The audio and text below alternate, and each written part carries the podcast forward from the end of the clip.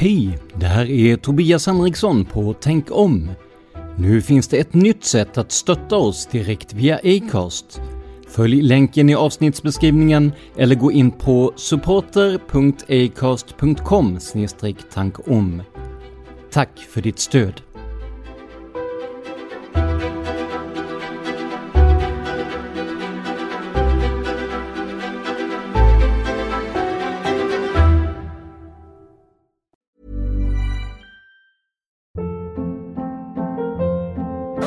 Hold up. What was that? Boring. No flavor. That was as bad as those leftovers you ate all week. Kiki Palmer here, and it's time to say hello to something fresh and guilt-free. Hello Fresh. Jazz up dinner with pecan-crusted chicken or garlic butter shrimp scampi. Now that's music to my mouth. Hello Fresh. Let's get this dinner party started. Discover all the delicious possibilities at hellofresh.com.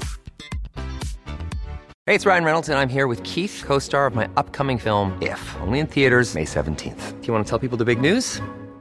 All right, I'll do it. Sign up now and you'll get unlimited for $15 a month in six months of Paramount Plus Essential Plan on us. Mintmobile.com slash switch. Upfront payment of $45 equivalent to $15 per month. Unlimited over 40 gigabytes per month. Face lower speeds. Videos at 480p. Active Mint customers by 531.24 get six months of Paramount Plus Essential Plan. Auto renews after six months. Offer ends May 31st, 2024. Separate Paramount Plus registration required. Terms and conditions apply if rated PG. Millions of people have lost weight with personalized plans from Noom. Like Evan, who can't stand salads and still lost 50 pounds. Salads, generally, for most people, are the easy button, right? For me, that wasn't an option. I never really was a salad guy. That's just not who I am. But Noom worked for me. Get your personalized plan today at Noom.com. Real Noom user compensated to provide their story. In four weeks, the typical Noom user can expect to lose one to two pounds per week. Individual results may vary.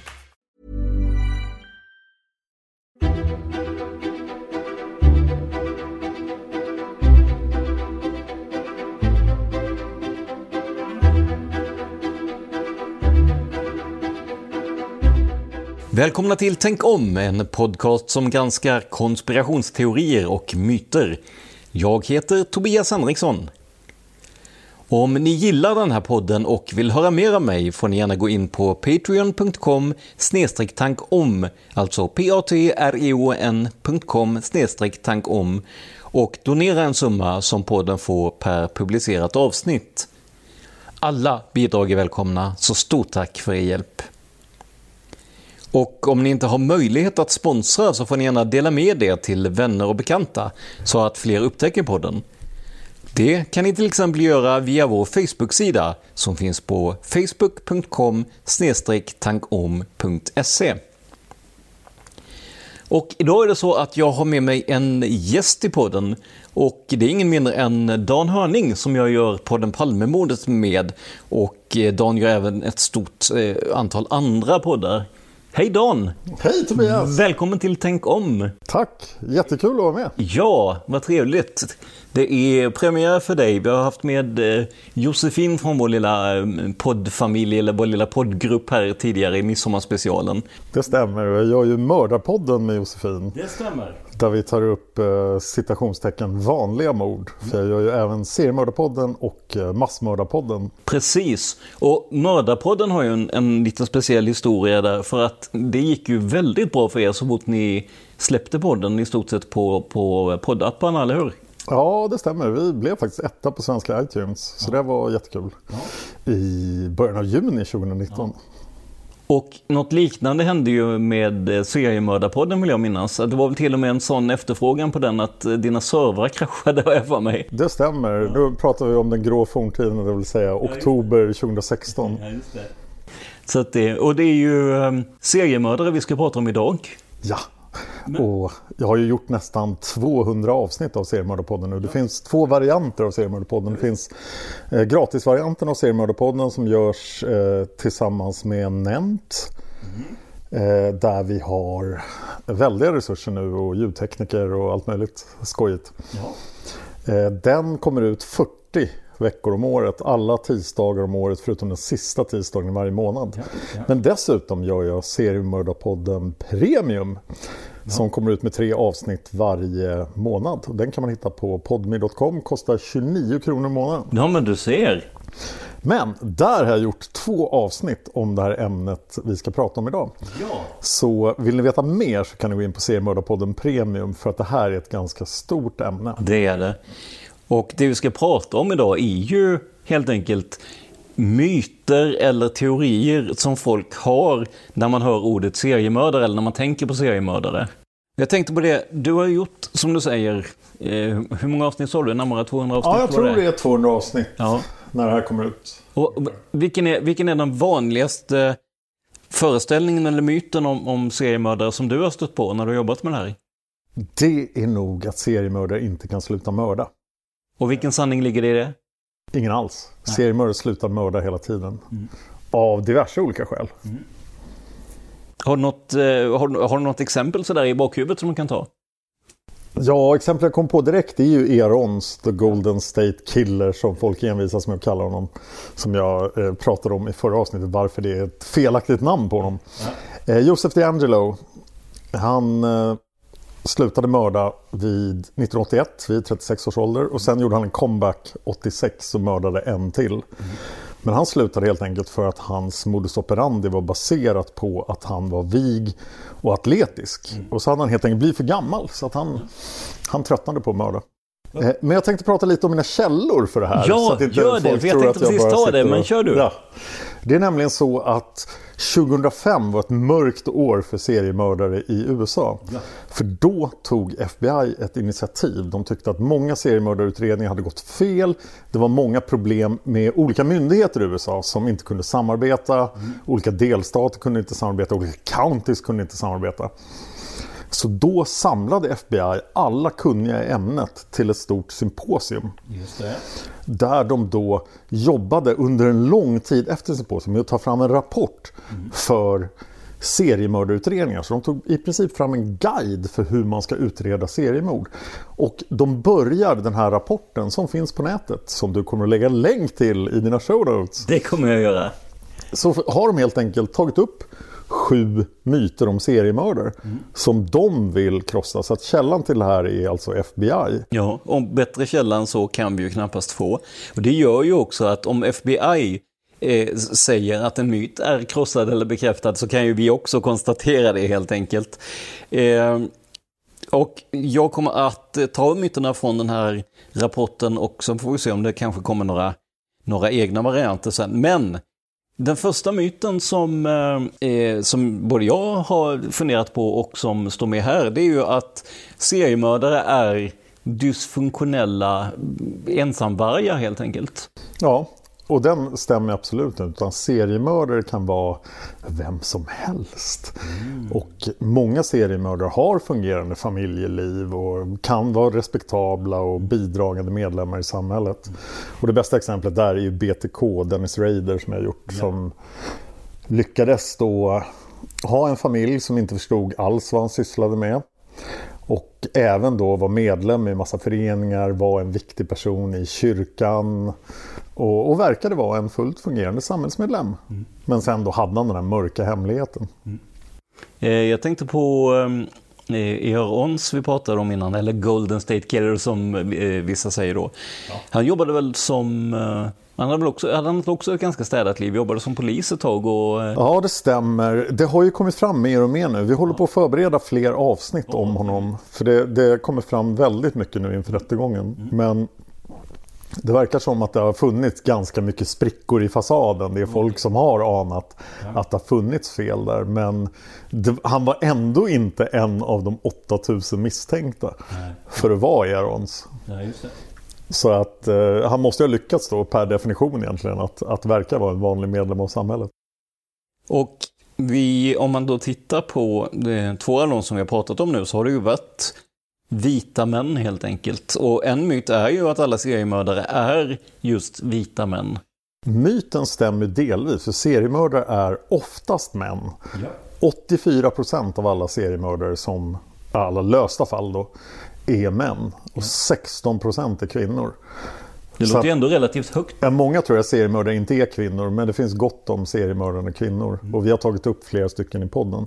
Däremot är inte då, ja, det här är ju Amerika, så vita eh, överrepresenterade utan seriemördare verkar vara fördelade jämnt på populationen. Så att det finns lika många ja, svarta seriemördare eller vita eller asiatiska eller ja, a- alla grupper är representerade bland seriemördare. Visst är det så att en av de här som bryter den här myten har du pratat om i sommarspecialen? Ja, där har vi en 2019. eh, asiatisk seriemördare Ja, men från Hongkong. precis. Jag vågar inte mig på att uttala Charles Ng. Charles Ng. Ng. Det är ett vanligt ng-ljud där alltså. Ja, Charles ja. Ng och Leonard Lake. ja, just det. Leonard Lake ser ju i och för sig jättemycket ut som myten om en seriemördare. Han är... Men jag tror att alltså, det här, många av de här myterna är skapade av Hollywood och av Ted Bundy. Ted Bundy har blivit så ikonisk för seriemördare att man tänker att så här, så här ser en seriemördare ut. Han blev ett slags skyltfönster för, Ja. om man nu kan eh, göra den parallellen. Ja, just det. Och dessutom har han satt mallen för Hollywood på något sätt. Så att Hollywood har gärna sådana seriemördare. Men just en, en väldigt vanlig variant av den här myten är just att afroamerikaner inte är seriemördare. Och det ska vi prata mer om i seriemördarpodden. För det finns en del spektakulära fall där gärningsmannen är afroamerikan. Ja, Finns det något du kan hinta om nu?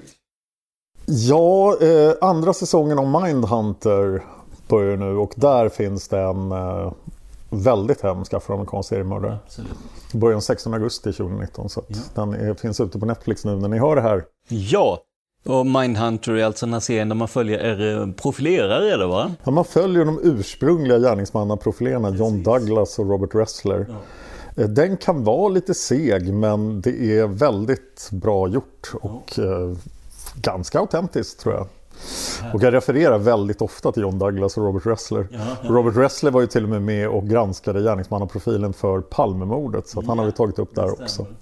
Det är ju en av, en av de andra poddarna som vi gör tillsammans. Vi, du grundade den och eh, drev den, eh, eller du driver den fortfarande, men från 2017 var det väl som jag började komma in och, Ja. kan det stämma? Det stämmer. Och göra lite avsnitt. Och nu gör vi väl ungefär, ja hälften av avsnitten var är väl Ja, det skulle jag säga. Ibland tillsammans, så det är ju roligt. Ja men precis, det är det. Så att eh, är ni intresserade av Palmemordet, jag vet jag tjatade om det i eh, förra avsnitten där vi hade en myt som rörde Palmemordet, men eh, kolla upp på den Palmemordet, finns på alla större poddappar också. Och om ni undrar varför ni ska vara intresserade av Palmemordet så är det världens största olösta mord. Den största utredningen räknat i mantimmar på ett fall som inte har en officiell lösning. Och att en statsminister kan mördas på 80-talet i ett västland och det inte blir löst. Det är fullständigt unikt. Det här blir en väldigt konstig övergång nu, men motivationen för eh, Olof Palmes mördare var ju inte det som den här myten säger i alla fall. Den här myten säger att seriemördare bara motiveras av lust eller sex, att man bara mördar på grund av alltså lustmord helt enkelt. Ja, och det stämmer ju inte alls. Det är vanligt, men seriemördare kan ha väldigt konstiga motivationer. Eh, Ett exempel, det, sen har vi då, det är ganska ovanligt med helt galna seriemördare, men det finns några bra exempel. Det finns en seriemördare som var övertygad om att om han inte mördade de här människorna så skulle hela Kalifornien gå under i jordbävningar. Så han var tvungen att blidka jordbävningarna då genom att ha ihjäl folk. Och det är en intressant motivbild. Många är motiverade av pengar. Folk kan vara motiverade av hat, av politiska motsättningar, att liksom döda sina politiska fiender. Och visst hade, vi, hade du ett avsnitt om eh, en mördare som kallas för Killsebben som också hade lite märkliga motiv? Ja, han var ju då... Han hade förlorat sin, eh, sin lille son som var väldigt ung, eh, en bebis. Och konstigt nog kom den här sonen tillbaka till honom och sa Pappa, om du dödar sju personer, då kommer jag att börja leva igen. Och då tyckte han, då måste jag ju döda sju personer. Just det. Och de har gjort Kill Seven. En av de ovanliga då seriemördarna som faktiskt är kliniskt psykiskt sjuk. Just det. Och det ligger numera på Seriemördarpodden Premium. Nej, den finns Den finns fortfarande. på, ja, ja, absolut. i gratisfilen. Du, jag tänker en, en myt som, eh, som anknyter till nästa från FBI här, men en myt som jag har stött på mycket, det är att seriemördare är framförallt ett amerikanskt fenomen. Ja, det stämmer inte heller. Seriemördare är överrepresenterade i USA. Men eh, det kan ju vara så också. Alltså seriemördare är väldigt beroende av samhället. Och samhällen som är dysfunktionella på något sätt. Ja.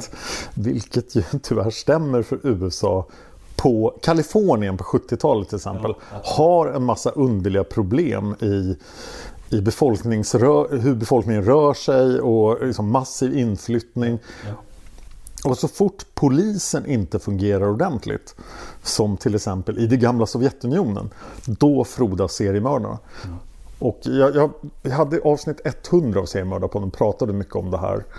Och då tror jag att alltså ett samhälle i krig är egentligen det perfekta stället för en seriemördare.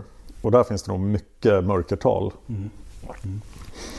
Men samhällen som inte fungerar som de ska. Sverige 2019 är ett perfekt exempel på ett samhälle där det är jättesvårt att vara seriemördare. Och där, det är ju också en myt att det inte finns några svenska seriemördare. Ja, jag har identifierat 21 stycken. Vi har gjort fyra i Seriemördarpodden hittills. De ligger alla på Seriemördarpodden Premium idag. Vi har Olof Olofsson Hjelm, Kniven i Delsbo, Ryssligan och Hilda Nilsson Änglamakerskan. Vi pratade ju om USA innan och eh, en myt som FBI tar upp här i sin rapport är att alla seriemördare eh, reser över eh, statsgränserna, alltså mellan staterna och, och ja, verkar i flera stater helt enkelt. Vad säger vi om det då? Det är ovanligt, det förekommer, det är definitivt ingen regel. Men de blir ofta väldigt uppmärksammade för att de är svårutredda så att de hinner göra väldigt mycket skada. Och ett fall som jag tror har varit med och skapat den här myten, dels Ted Bundy, för han gjorde ju det. Men också Henry Lee Lucas och Otis Toole. Eh, Henry Lee Lucas var länge den värsta seriemördaren man någonsin hört talas om. Tills man upptäckte att det var USAs Thomas Quick-fall. Ah, Henry Lee Lucas har förmodligen mördat folk.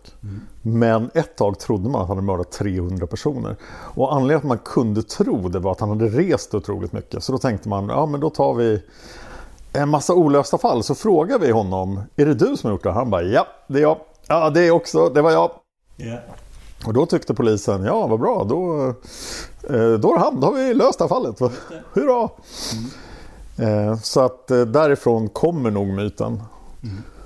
Men det finns några, några fall där det händer och det blir ju som sagt det här symposiet 2005, en av idéerna med det var att just samordna utredningarna så att sånt här ska kunna hindras. Men det är väldigt ovanligt. har ni några planer på att eh, eh, beröra Quick-historien? Den är ju väldigt infekterad och den är, han är ju ingen, ingen seriemördare. Så, eh, så har ju domstolarna kommit fram till. Ja. Eh, Hur hanterar ni den? Problemet är ju att han eh, inte har mördat någon så det är svårt att ta upp honom i en mordpodd. Möjligtvis skulle vi kunna ta upp honom i mördarpodden. Men eh, det måste jag diskutera med Josefin först.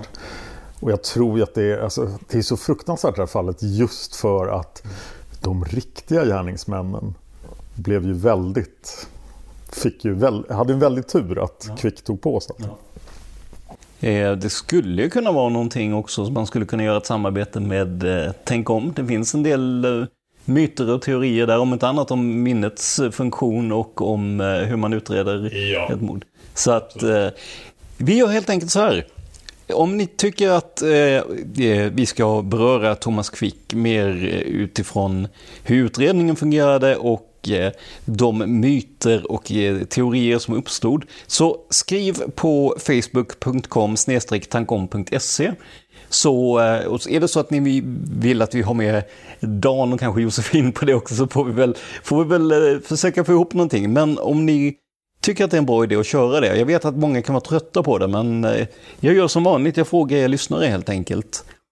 Det är ett fantastiskt viktigt fall för svensk kriminalhistoria helt klart. Att, att någonting kan gå så fel är ju fullständigt fruktansvärt.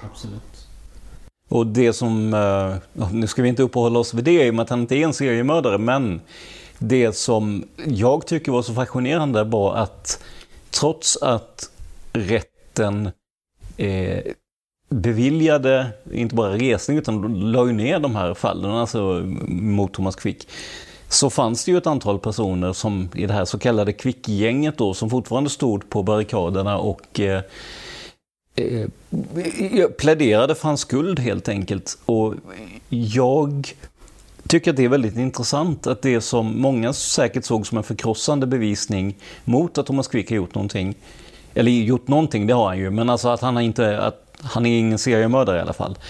Det är en tung bevisning mot att han skulle vara seriemördare, men ändå är de så inkörda på, på det här. Det får mig påminna lite om eh, Återigen då Palmemordet och det här tunnelseendet som, som framförallt Lars Borgnäs pratar om att många drabbats av i utredningen. Ja. Där är det så mycket prestige också att folk har så ingrodda positioner att de inte kan lämna dem.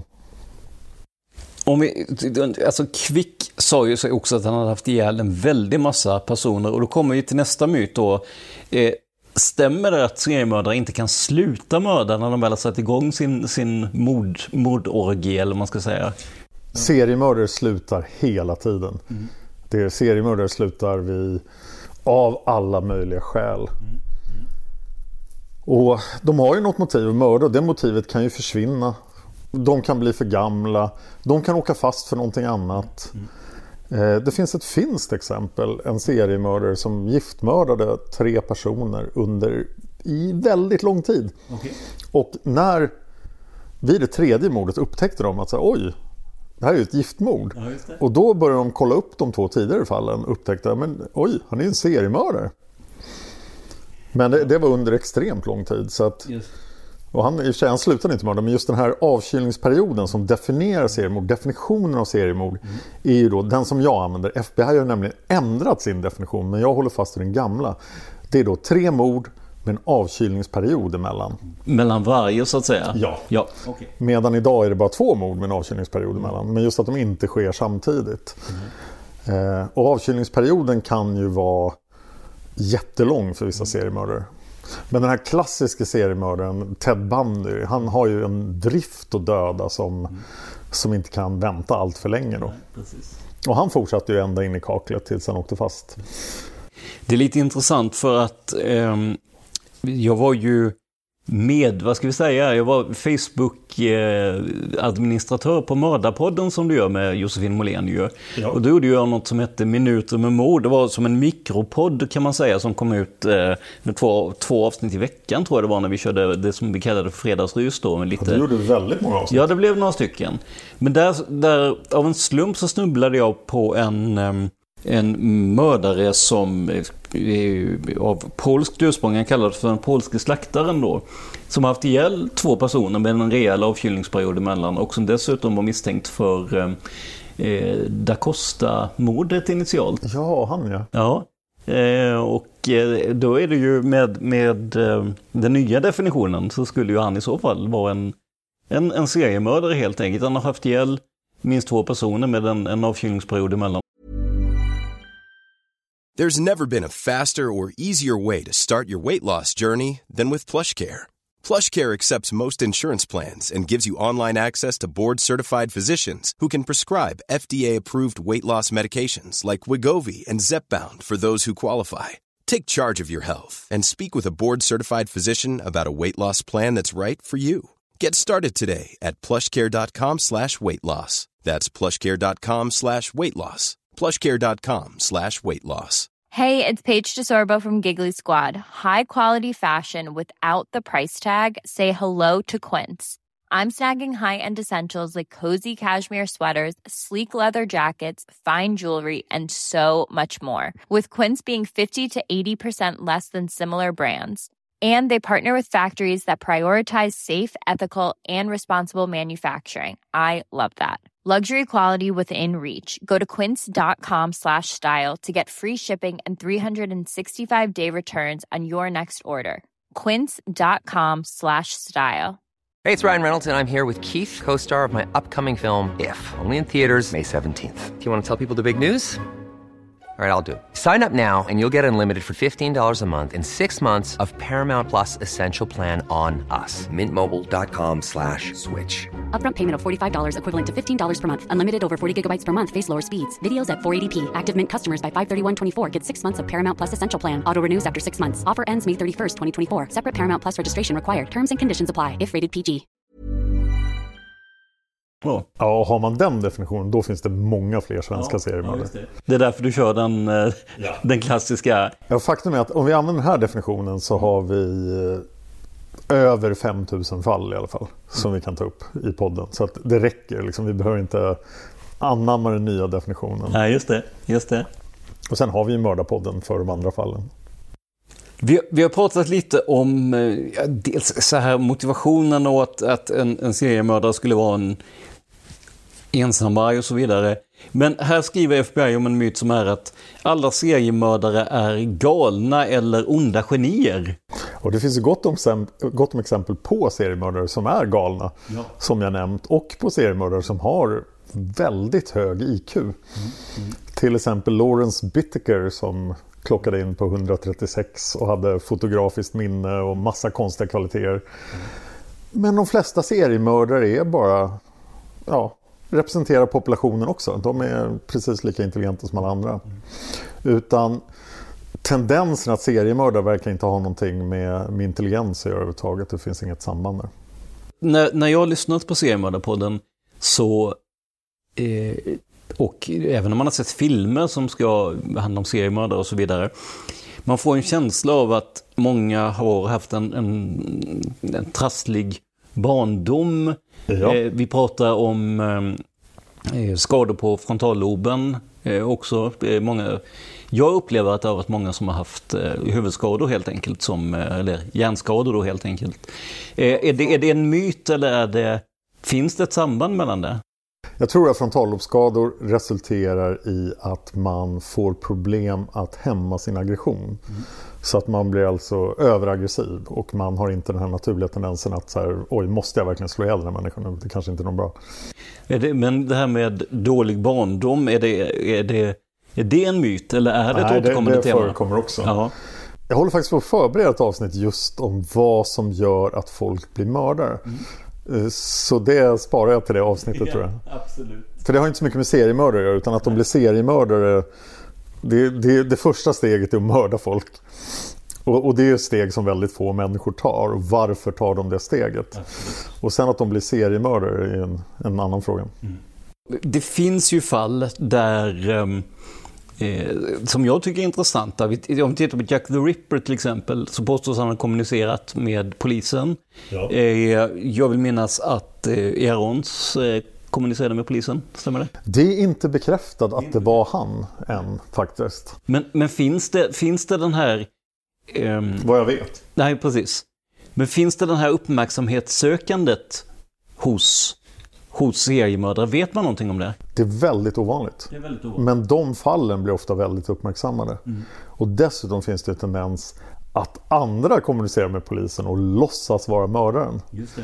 Så att det är extremt svårt för polisen ofta att avgöra om det här brevet kommer från, från seriemördaren eller inte. Men, och det här är ju Hollywood också. Det är ju jättekul om seriemördaren kommunicerar med polisen.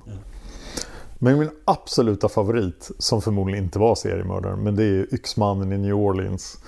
Som håller hela New Orleans gisslan. Han går ut med ett brev och berättar att han är en demon från helvetet. Och att han nu tänker gå runt på ett specifikt datum med sin yxa och slå ihjäl alla i hela New Orleans.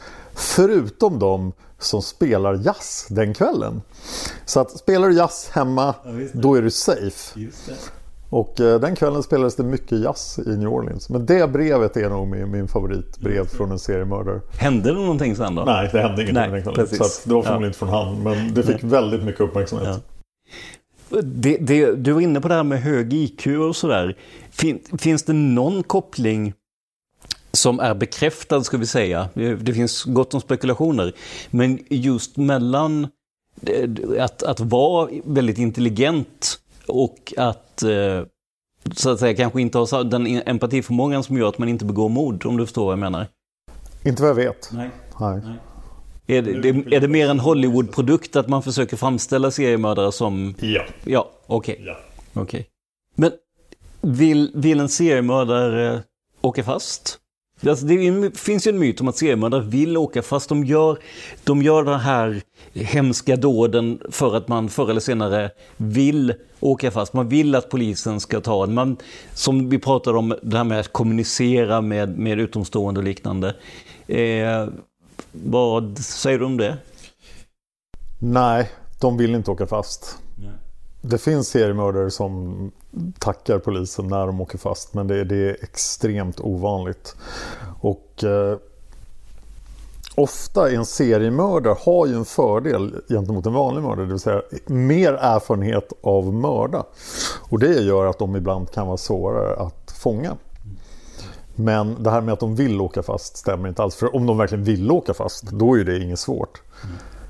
Sen finns det ju seriemördare som när de blir rutinerade börjar slarva. Så att det nästan ser ut som att de vill åka fast. Och Ted Bundy har gjort något berömt uttalande då att så här, ja, men när du mördar någon första gången då har du planerat allting jättenoggrant. Men när du mördar den sjuttonde då kommer du på liksom, oj jag glömde skruvmejseln hemma. Liksom. Och vad gjorde jag bultbandet? Oh, shit. Jag, jag, tänker på det, om man, om man tittar på, om vi tar USA som exempel som i alla fall för mig verkar överrepresenterat när det gäller seriemord. Vet man någonting om, om hur många misstänkta seriemördare som är där ute just nu? Seriemord har ju blivit mer ovanligt. Mm. Seriemördandets eh, höjdpunkt var ju 70-80-talet. Mm. Och idag är seriemord mer ovanliga. Det finns färre seriemördare idag. Främst på grund av att polisen har blivit så pass mycket bättre. Utredningsmetoderna har blivit bättre. Du kan eh, DNA och ballistik och så allting är bättre. Kanske det här symposiet gjorde det till och med att det, det blev lättare. Jag tänker på samordningen också. Det ja. måste ha blivit bättre sen. Idag är det mycket svårare att komma undan med seriemord. Eh, och en hypotes som vi la fram i avsnitt 100 var att det här har lett till att vissa då typer av brottslingar väljer att bli massmördare istället. För att de kan inte göra en Ted Bundy-resa. Utan de, men om de gör ett spektakulärt massmord så kommer de bli uppmärksammade. Ja. Om, om man justerar för folkmängd så att säga, är det så att det finns fler seriemördare i USA än i Sverige? Eller är det att man inte upptäcker dem i Sverige? Förstår du hur jag tänker? Leif GW Persson påstod nyligen att ungefär en av 700 000 män mm. har, eller är en seriemördare till och med. Mm. Och det lät väldigt högt tyckte jag, men när jag räknade på det då, de här 21 jag hittat, så stämmer det lite grovt sådär. Mm. Så att eh, det, det är nog bundet till befolkningen, absolut. Min tanke, eller det jag har sett, så har det inte varit några seriemord i Sverige senaste, alltså på, på väldigt länge, stämmer det eller? Eller har vi några i närtid? Just nu vet vi ju inte. Nej, men jag, tänkte... jag skulle gissa nu att det inte finns en aktiv seriemördare som har dödat tre personer i Sverige. Nej. Förutom, eh, ja det finns några olösta fall mm. där gärningsmannen fortfarande är eh, fri. Mm. Men eh, förmodligen inte mördar folk längre. Så just nu tror jag inte det finns en aktiv seriemördare i Sverige. Men jag kan ha fel. Hur, hur, långt i tiden får vi gå tillbaka då? Du nämnde några stycken exempel, men hur långt får man gå tillbaka för att hitta en, en bekräftad svensk seriemördare? Jag tänker direkt på Peter Mangs. Ja, det är sant. Och, eh, men han är ju inte fälld för det tredje mordet som man ju... Ja, mm. En hypotes är att det var han som utförde seriemordet. I så fall är han en seriemördare. Ja. Han är fälld för två mord. Det. Och det kanske är det senaste exemplet. Precis. Hur var det med Lasermannen? Lasermannen eh, dödade bara en person. Ja, men han blev väl fälld nu i Tyskland för det andra mordet. Just det. Ja, så han, han är också ett mordkort. Ja. Och så hade vi en kille på um, Östra sjukhuset i Malmö som... Uh... Ja, det är Sveriges värsta seriemördare. Ja. Och det, det, är ett så... Jag tycker det är så tragiskt fall att jag inte har tagit upp den. Det är liksom en förvirrad 18-åring med psykiska problem som ger förgiftad saft till en massa geriatriska patienter som dör. Och han lyckas ha ihjäl fler än någon annan svensk seriemördare. Vi pratade om Minuter med mord innan, så den här mikropodden om, eh, om brott. Och där har vi ett avsnitt om, eh, om just sjukhusmorden på Malmö Östra. Mm. Och det, det är som du säger, det är en ytterst tragisk historia. Givetvis för offren och de anhöriga, men, men även den, hela organisationen på det här sjukhuset var så infekterad. Det var så svårt på något sätt att, eh, att få en vettig beslutsgång som gjorde också att alltså miljön underlättade ju för eh, den här unge killen. som, eh, som, som gjorde de här dåden. Att göra det han gjorde helt enkelt. Ja, det är en vansinnig historia faktiskt att det ens kunde hända. Ja, men det var ju anklaganden mellan läkare om att den ena var anställd av KGB och den andra var CIA. Det var, rena, det var, det var en, ett drama utan dess like där ett tag ju. Ja. Det finns en P3-dokumentär om det som pratar med många av de inblandade också. Ja. Men um, vad blev straffet för honom sen? Kommer du ihåg det? Ja, han fick väl psykvård. ja, det var väl det va? Ja, han ja. en psykvård som han fick på på den tiden. För att han var, ju, han var beredskapsarbetare, jag vet inte riktigt vad man ska översätta det med idag. Men han, var han hade väl klara psykiska sjukdomar? Ja, absolut. Och eh, när han anställdes på Malmö Östra så hade han ett rekommendationsbrev, om man nu får kalla det så. Eh, där, eh, från en, en, tidigare anställning på ett sjukhus. Och nu citerar jag minnet här, men det stod eh, Sjukhuset har yttrat sig muntligt om XX då. Har ingen som helst initiativförmåga. Verkar, eh, jag tror det var någonting med att han verkade konstig eller verkade udda. Och sen hade man för säkerhets skull strukit under den sista meningen två gånger och det var ska ej återanställas. Och bara att en, en, en sån person då, oavsett vad de här svårigheterna berodde på, eh, bara att han kommer in och kan jobba med, med sjuka och eh, av svaga patienter helt enkelt, som ofta inte kunde säga ifrån själva när det var någonting som hände. Ja. Det är ju, det är ju en, en ganska makaber historia. Ja, det finns många sådana historier i andra länder också. Mm. Just seriemördare inom vården är ju extra tragiskt och mm. ja, inte lika spännande som andra fall. Vi vill ju ha den här massiva polisjakten och, och mördare som smyger omkring och så här, och vården blir bra. Och den värsta seriemördaren, förmodligen, det är en ständig fråga som återkommer till, vem är världens värsta seriemördare? Men det är förmodligen Harold Shipman som var en läkare i, Sydafrika. i England. Eh, som eh, ja, hade ihjäl en väldig massa folk. Ja, ja. Och det är det bäst dokumenterade fallet där vi kommer upp i så astronomiska siffror som 200-300 offer. Oh, jösses. Och det finns eh, gott om historier. Eh, Sydamerika har ju de värsta seriemördarna annars, helt klart. Där då utredningen inte har fungerat så bra och folk har inte riktigt brytt sig. Och det stämmer väl kanske lite också med det du var inne på, just det här att seriemördare gynnas av ett samhällssystem som inte fungerar till 100%. Mm. Där finns det minst fyra seriemördare som är värre än någon i USA. Mm. Eh, en annan myt som jag vill eh, säga själv är att eh, seriemördare inte åker fast. Mm. För seriemördare åker nästan alltid fast. Ja. Och listan på olösta seriemord, de får ju väldigt mycket uppmärksamhet förstås. Long Island Serial Killer, Zodiac, Jack the Ripper, det är uppmärksammade fall, men de är väldigt ovanliga.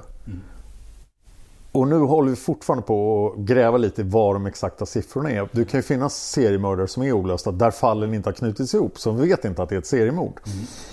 Men jag skulle nog säga med ganska stor säkerhet att mängden olösta seriemordfall jämfört med de lösta är ungefär 1%. Högst 2%. Ja. Ja. Så att seriemördare åker fast. Ja i princip. Men du, jag tänkte på en sak du sa. Det är det här med um, seriemord inom vården. Ja. Jag, jag, har hört, det här kan också vara en myt, att sådana seriemord är mer benägna att begås av kvinnor som gärna då har en, en, ett, ett vårdande yrke eller liknande. Har du hört någonting om det? Ja, jag kan tänka mig att de seriemördare som... Eh, att kvinnor har en större andel än 16 procent. Mm som de har av seriemord generellt just i vårdmorden. Eh, kvinnor är också överrepresenterade vad gäller seriemord mot närstående. Mm.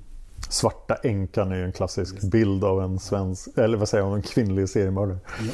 Som dödar tre eller flera män mm. som har varit tillsammans med dem. Eller barn. Ja, och något av mina favoritavsnitt av seriemördarpodden var ju Belganus också. Den här norska eh, utvandraren till USA som... Eh... Ja, Nordens värsta seriemördare, men hon begick bara ett enda mord i Norge. Ja, precis. Hon hade en väldigt otur med sina karar där ju. Det mm. var ju ett antal karar som försvann eller eh, ja, som helt enkelt mördades av henne på olika sätt. Ja, hon satte ut kontaktannonser. Det här var ju slutet av 1800-talet. Satte ut kontaktannonser och sen kom då Ta gärna med dig allt du äger. Kom till min fina gård och sen slog ni ihjäl dem. Och då, då måste ju motivet ha varit Ekonomiskt helt enkelt, ja. ja. Och seriemördare med ekonomiska motiv är ju inte ovanligt. Du, jag tänkte på en sista grej, för min del i alla fall. När, jag har ju jag har försökt hålla mig undan Da Costa-utredningen av en, av en en, enkelt skäl och det är att den är så väldigt polariserad och det är så väldigt svårt att få ett bra grepp om det. Men eh, Lars Borgnäs som, eh, det, vi är inte på väg dit du tror. Men Lars Borgnäs som, som varit gäst också i podden Palmemordet. Eh, han påpekar att det var ett antal eh, prostituerade kvinnor som mördades i eh, samma veva som eh, mordet på Men det var Catherine de Costa. Ja, och det är dit vi är på väg, men vi är inte på väg till att koppla dem till eh, Jack the Ripper. För det gjorde ju Lars Borgnäs sen ju. Nej, jag, jag försöker också hålla mig borta från Da Costa för den är så otroligt infekterad eh, diskussion runt det här fallet. Och den är väldigt polariserande. Men finns det något som talar för att det var en seriemördare oavsett vad han var inspirerad av eller inte? För jag tänker att ett, ett modus operandi kan väl också bestå att man har ihjäl en viss typ av människor, tänker jag. Prostituerade, lite utslagna kvinnor till exempel. Prostituerade är ju tyvärr tacksamt seriemördaroffer. Det, de är ju väldigt överrepresenterade bland offren eftersom deras jobb är att följa med en okänd man till en avskild plats. Och det är ju ett smörgåsbord för seriemördare. Så att, eh, att döda prostituerade är väldigt vanligt bland seriemördare. Så det skulle ju kunna vara en seriemördare. Lars Borgnäs hävdar ju i sin bok då Sanningen är en sällsam gäst. Ja, sällsynt gäst till och med. Sällsynt gäst. Ja. Att, eh, att, det en, att det finns... Han tar upp en teori där om att det, det skulle kunna vara en seriemördare. ja, precis. Och listar sex offer. Vi har gått igenom FBI's lista, vi har kommit med några egna eh, teorier eller myter ska vi säga. Också, är det någonting som du vill tillägga som vi har missat här innan vi kör en liten avrundning? Mm, nej, jag tror att jag känner mig ganska klar. Jag kanske ska nämna, vi ska inte göra myter om massmördare den här gången, men eh, en stor skillnad mellan massmördare och seriemördare. En massmördare är en som dödar fyra eller fler vid samma tillfälle. Och en väldigt stor skillnad där just angående kvinnor är att kvinnor är betydligt färre bland massmördarna än seriemördarna. Och jag tycker det är intressant också, vi pratade om det när vi spelade in till podden Palmemordet för eh, ja, ett bra tag sedan. Du har en podd där det är eh, en person som mördar en väldig massa personer, det vill säga seriemördarpodden. Sen har vi också, du och jag jobbar ju med en podd där väldigt många ville ha ihjäl en enda person. Och det är ju podden Palmemordet. Nej, det är, motiv är, kommer inte att lösa Palmemordet för att det finns väldigt många med motiv.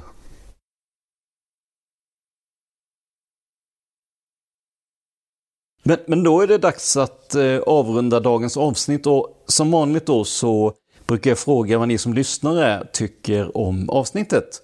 Så att om ni går in på facebook.com tankom.se eller söker på Tänk om i Facebook-appen så kan ni skriva av er där och berätta vad ni tycker. Och eh, kom gärna med fler myter om det så att ni har fler myter om seriemördare, massmördare, ja Palmemordet med för den delen. Så kanske vi kan få in Dan på ett hörn här fler gånger. Det vore kul. Ja, absolut. Men slutligen Dan, var hittar man dig nu då och dina poddar? Man hittar mig på Twitter och Instagram. Jag heter Dan Hörning så det är ganska lätt att hitta för det finns ingen annan som heter det. Nej, precis. Eh, Jag finns på Facebook. Som, varje podd har en egen Facebook-sida plus att jag har en sida som heter Dan Hörning författare och poddare där jag försöker samla alla poddar. Och eh, jag skulle gärna vilja hitta någon myt inom någon av mina poddar som inte har med mord att göra. Kanske en nördmyt för Hard Nerd Café eller en historisk myt för Fan of History. Historiska myter eh, Historiska myter borde ju gå att hitta några Ja, stycken. det borde finnas några stycken. Ja, ja, du planterade ett frö där alltså. Det får vi, det får vi absolut lösa. Och mig kan ni följa på Instagram också. Eh, där finns jag under företagsnamnet PRS Media. Ett ord, små bokstäver. Och som sagt, ni får hemskt gärna sponsra podden via patreon.com snedstreck... Jag höll på att säga patreon.com snedstreck palmemordet där, men patreon.com... också. Ja, ja, precis. Patreon.com snedstreck tankom ska det vara. Ja, precis. Och eh, vill ni donera via Swish så eh, får ni skicka ett privat meddelande till mig så får ni nummer till det. Men Stort tack Dan för din medverkan idag. Ja, tack för att jag fick vara med. Jättekul att ha dig med. Och jag heter ju Tobias Henriksson, jobbar på PRS Media och på prsmedia.se hittar ni mina andra projekt. Källor till avsnittet finns i avsnittsbeskrivningen och där lägger vi även länken till den här rapporten från FBI som vi pratade om. Låten i introt och outrot heter Life Decisions och görs av Remember the Future. Ett tack till Acast som distribuerar den här podden, men framför allt ett stort tack för att ni lyssnar på Tänk om.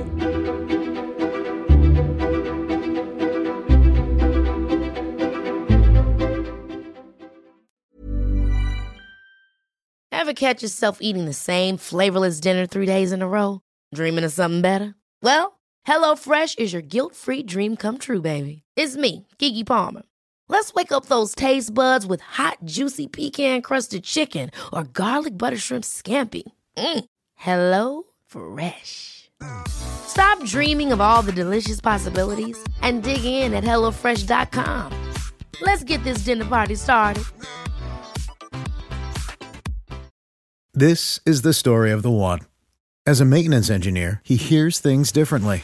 To the untrained ear, everything on his shop floor might sound fine but he can hear gears grinding or a belt slipping. So he steps in to fix the problem at hand before it gets out of hand. And he knows Granger's got the right product he needs to get the job done, which is music to his ears. Call, clickgranger.com, or just stop by. Granger, for the ones who get it done.